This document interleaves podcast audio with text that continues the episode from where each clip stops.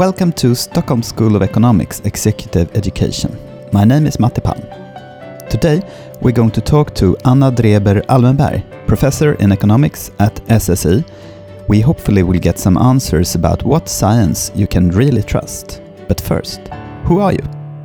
I'm a behavioral economist, so that means that I'm an economist interested in understanding preferences, economic preferences like risk taking, altruism, social preferences like fairness, etc.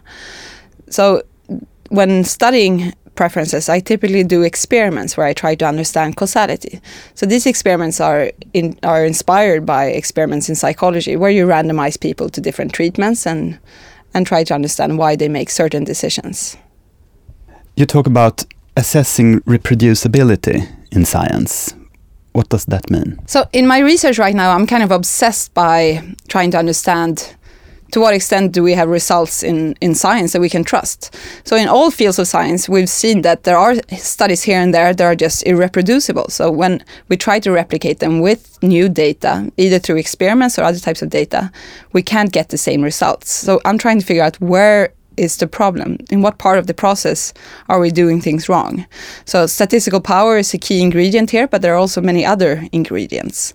And this is a, as I said earlier, a general science phenomena. So this this problem appears in psychology, in economics, in political science, medicine, basically you, you name it. Any quantitative science has this problem.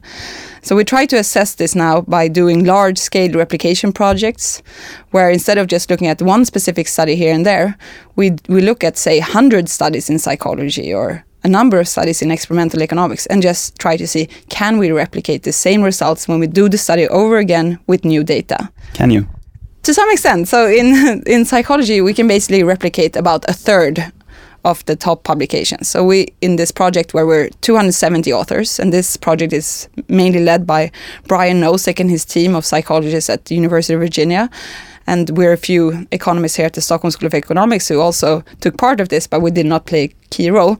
But in this project, we look at 100 studies published in the top three psychology journals. We do the same study again with larger samples, and we find that basically one third of the results can be replicated. In my mind, it sounds like two thirds are wrong. They're not valuable uh, scientific research at all. Yeah, two, we couldn't we couldn't find support for two thirds, but finding support is also a bit uh, unclear. What do we actually mean here? So it's very likely that the original studies kind of had overblown effect sizes in the sense that if you find an effect in these original studies, the true effect is likely to be smaller than what they actually found. So when we do our replication studies, we do statistical power calculations in terms of figuring out what sample size should we be using so that we have high statistical power. Um, and we base these power calculations on the original effect size. This basically means that in some of the cases we fail to replicate true results that might actually exist. So I would summarize it a little bit more. Uh, I would modify my summary maybe a little bit so that one third of the results clearly do not replicate, one third might replicate, it's unclear, and one third of the results do clearly replicate. But having one third of the studies clearly not replicating, that's a very bad sign. I mean, these are top publications. 90% of them should replicate based on our statistical power and to find that one third do not replicate, okay, that's that's really too bad. So I'm thinking about this, uh, like you publish a paper, you do a TED talk, you conquer the world, and people like me who are not scientists read about it in in um, ordinary newspapers. And uh, is it really like this? I I think it's it must be hard to be a kind of a normal reader of science news when even kind of scientists are so confused about what results can we actually trust. I think the peer review label is something we should typically trust, but all of these psychology studies, for example, they've been peer reviewed by several peers in the top journal. So these are results that we should be able to trust. And if we can't trust these results, what results can we actually trust? But having said that, it sounds a bit pessimistic. I still think that the the outlook is very positive. It can be very bright Can you give an example, maybe an example of, of some, some research that has uh, has been recognized as important and now maybe not so much? I think an interesting example is this phenomenon called power posing. So this led to a TED What talk. is power posing? So power posing is basically that you either sit down or stand up in a speci- and do a specific high power pose. So with your arms outstretched or behind your head and for two minutes versus being curled up into a ball, basically sitting down or standing up, which is a low power pose. So if if you randomize people in a study with 42 people to either high power pose or low power pose, this study claims that high power poses lead to higher testosterone, lower cortisol, increased risk taking, and increased feelings of power. So, this is a sample of 42 men and women. So, just when you kind of do hormonal research, which I also do because I'm interested in whether hormones causally affect economic preferences, um, it's a bit strange to combine men and women in the same study given different kind of hormonal profiles and hormonal reactions. But anyway, so this study of 42 men and women led to a TED Talk, which now has almost 38 million views. So this is the second most viewed TED Talk right now, and is about will at some point take over as the fir- the most viewed TED Talk if the trend continues. And this TED Talk, which is fantastic, I've seen it. It's hard not to be kind of moved by the presentation. Cannot be replicated. The results cannot be replicated. So we do a study that, that has five times the sample size, so about 200 participants.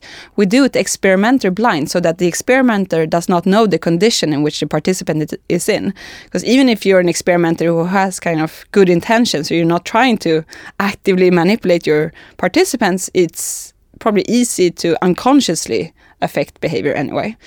So we do five times the sample size, and we basically cannot find much support for any of this. We do get some effect on feelings of power, but it doesn't lead to any hormonal changes or behavioral changes. Uh, later research now by others also show that even the feelings of power results cannot be replicated. So maybe we were kind of statistically lucky finding one significant effect out of many tests. So the, the results kind of are not there. There is not really any support for power posing having any effects on behaviors or hormones. Yet the TED Talk continues to be amazingly popular. Uh, there's a best-selling book that continues to be a bestseller. So even though the psychology world, so the academic psychology has moved moved on and basically said that okay we do not really believe in power posing anymore but the rest of the world keeps spinning around power posing which is interesting to see and swedish newspapers and worldwide newspapers continue writing about power posing as if this was a real phenomena so if I was an anthropologist, I would kind of be interested in in studying things like this, where science has moved on, but the world hasn't.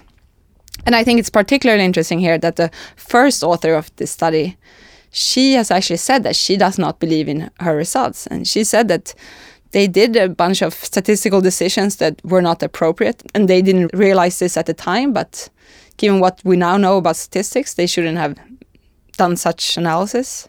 So she does not believe in the results and she encourages people to stop studying power posing. That's a pretty harsh uh, judgment on your own study. I think it's completely correct. So I applaud this and I've, I've said this to her. But uh, again, the TED Talk continues to live its own life. It sounds like uh, statistical analysis is at the heart of this problem. Uh, am I correct? Yes, so statistical analysis is key here. So we're used to thinking about um, false results in the scientific literature because of psychopaths. So if you think about the autism vaccine paper by Wakefield et al., that was a study that was based on fake data, and unfortunately, it's led to all these extremely bad consequences of parents not wanting to vaccinate their kids, even though there's no link to autism. So that's clearly like a psychopath uh, in science. Fortunately, there are few of those. I think it's more common to get false results because of problems in the statistical testing process. So we know that the share of false results will depend on p-values. So what, what are p-values? They, they decide statistical significance. Statistical power, which is a function of both the sample size and effect size, will also be key here. So you need statistical power also to be able to rule out that if you find a null result, that the actual true result is a null result. So then we also talk about various degrees of uh, researcher freedom. So in the statistical analysis, you can basically, if you have a big data set, you can just correlate all different variables with each other. So you basically you go out on a fishing expedition and just try to see can I find some statistic, statistically significant relationship somewhere. Then you present this result, and I think that's what people have done in the past. That's frowned upon now, which is good, but of course there are studies using fishing methods around. So, am I understanding this correctly? That you have a data set, and then you try different uh, analysis methods uh, until uh, you find something interesting. Or you have a data set where you have hundreds or thousands of variables and you just try correlating all variables with each other. By chance, some of them will be statistically significant. And you basically choose to focus only on those that you found to be significant and you don't discuss all the other tests you, you tried. So that's fishing, and we know that that's not a good thing. Then there's something called p hacking. So in the in the scientific process of publishing papers, okay, we want to find statistically significant results. So we need p-values to be less than 0.05 because that's a magical cutoff deciding whether something is statistically significant or not. So that means we have incentives to kind of get p-values to be just below 0.05. So let's say that I have a specific hypothesis. I'm interested in whether oral contraceptives lead to less risk taking in women. So I have a study where I give 170 women oral contraceptives and I give 170 women placebo and I want to see do oral contraceptives decrease risk taking. So I have a clear hypothesis here and I have a clear like experimental design where I should be able to say something about causality. Then once I actually have the data and do this test, there are different degrees of freedom where I can decide to include a control variable such as age, maybe I want to include it, or maybe I don't want to include it, depending on what happens to the p-value of my main variable. So that's so p-hacking is probably very common because if you look at all types of uh, scientific literatures, you see p-values cluster just below 0.05, and there should be some just above, and then there should be kind of all between 0.0001 and 0.05, but they're typically very close to 0.05, indicating that there's been some p hacking uh, going on. And then we come to the third degree of researcher freedom, which is what I find to be the most interesting one and probably the most common one. So this is what Andrew Gelman and Eric Loken, two statisticians, would call the garden of forking paths. So here you have a clear hypothesis of what you're testing. So let's say uh, I want to test whether oral contraceptives lead to less risk taking. But once I have the data and I do one test, my second test will be based on what I saw in the first test. So I choose to go down a specific path once I've seen some results. And ex ante, so before I start doing this analysis, there are just so many different paths I potentially could could go down but which one I will eventually go down depends on my initial result. So let's say I'm testing this do oral contraceptives lead to less risk taking? I test this on my whole group first, and the results are kind of not that clear in the sense that the p value is, is not less than 0.05. There's some indication instead.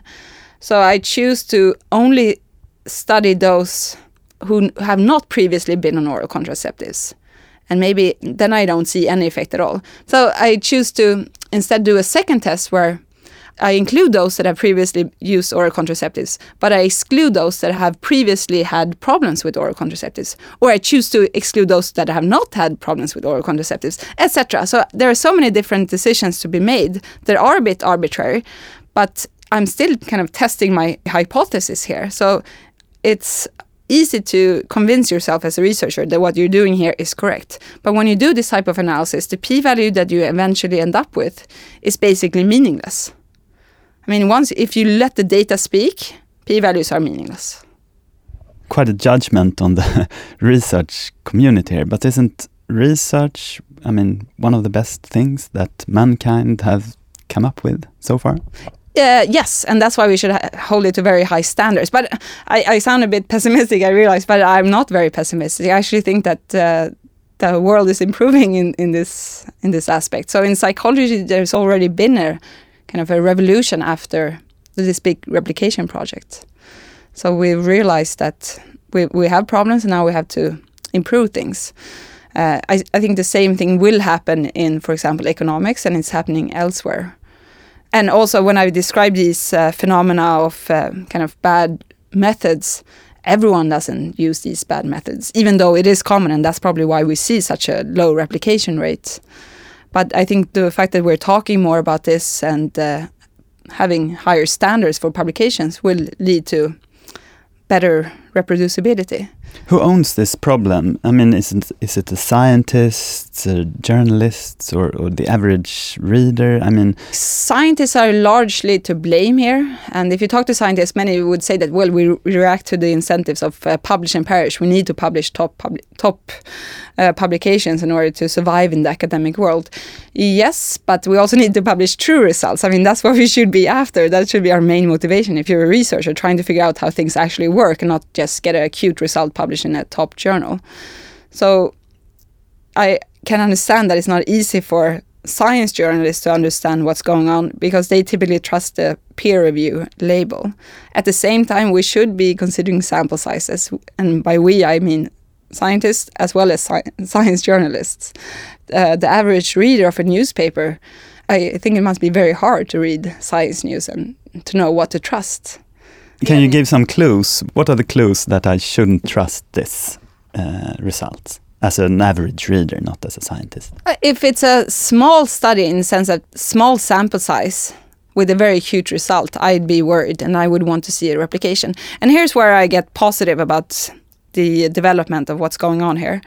So we know that if uh, if we see a, a positive result in a small study, so low statistical power, small sample size, uh, we cannot really say much about this specific result in the sense that whether it's true or not is basically uh, the outcome of a coin flip, 50-50 probability.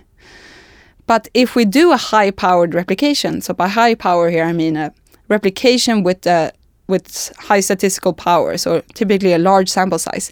And if we do this high powered replication and find support for the study in the high powered replication, then we have a very high probability of the hypothesis being true. So the the solution is kind of easy. So you do some original study, you find an effect, and immediately you do a high-powered replication where you kind of tie your hands that you're studying exactly this, doing exactly this type of analysis. And if you then find support for your hypothesis, well, then I'm likely to believe it, but not before I see this high powered replication. And now there are some journals that require high powered replications before they actually publish a result. And I find this completely revolutionizing, and this will improve things a lot. And we could do this in all types of fields in, in social sciences, natural sciences, and just improve reproducibility.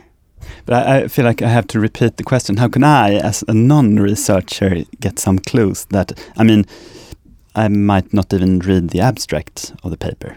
Yeah, okay, so maybe science journalists should report sample sizes more. And if it's a small sample size, you should be worried.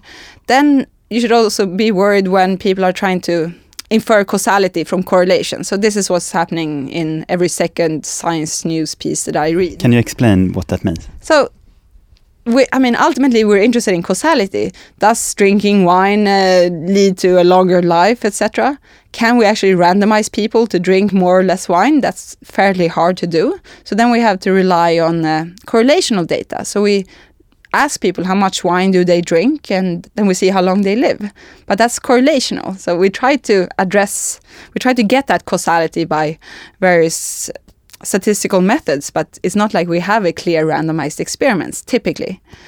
But we tend to want to interpret the results as causal, even though they are correlational. And here I think we should just be worried that maybe drinking wine, two glasses of wine a week, which might be good for living a longer life. I don't know, I'm just kind of making this up. This might correlate with something else. And the question is is this controlled for in the analysis? Can you say something about the hypothesis in this research that we're testing? So in our replications project, we typically link the replications to prediction markets. So prediction markets are basically markets where you can bet on binary outcomes. Uh, so let's say for a presidential election, will uh, Trump be president or not? So if he becomes president, the contract is worth one dollar. If he doesn't become president, the contract is worth zero dollars. So with this type of contract, you can interpret the price of the contract as the probability that the market assigns to the event happening. So if uh, Trump sells for 50 cents, you can interpret this as uh, Trump having a 50% probability of being uh, president. So historically, these markets uh, for political outcomes have been shown to perform pretty well, so better than uh, polls on voters. So now with Brexit and Trump, the markets actually did not perform that well, and neither, of course, did did polls. But we're trying to see whether these type of markets can be useful in in science. So whether when we have scientists bet on the outcome of these replication studies, there is some wisdom of crowds. So whether actually scientists know already what what results are true and what are not. Um, and with the prediction market framework, we can also back out the probability that the hypothesis is true at different stages of the testing process. So we can back it out from other types of informa- statistical information in the original studies, we can back out the probability that the hypothesis is true before it's even tested in the original study. Then the probability that the hypothesis is true once you have the initial study and its result, and then the probability that the hypothesis is true once you also have the replication results. So for the psychology studies, we see that the median probability in these studies is very low. It's less than 10%. So in that sense, yes, we're kind of testing low probability hypothesis. Another way of saying we're testing surprising hypothesis. Once you have the outcome of the original study, the probability that the hypothesis is true, the median is about 50% probable. And then once you have this high powered replication, and you get a positive result, that's when you have a very high probability that the hypothesis is true. If you get a fade replication, you're back to having a very low probability that the hypothesis is true. So I think prediction markets and replications go hand in hand. It's not always clear that prediction markets perform better than, say, a simple survey where we ask the same thing. What probability do you, as a researcher, assign to the this uh, hypothesis being true. We see that that works as well as prediction markets in some instances. But this is part of our general research agenda, trying to figure out what is the rate of reproducibility in different fields and kind of can we predict which results are true already from the original studies and surveys and markets. It sounds like a complicated way of saying that you should be skeptical about something that sounds too good to be true if if it sounds too good to be true and the sample size is small, it is probably too good to be true. But at the same time, I mean, there are surprising results out there that will completely revolutionize uh, the way we view things. So we also don't want to kind of be too skeptical about things. We just kind of want to have large sample sizes if we want to accept the surprising results.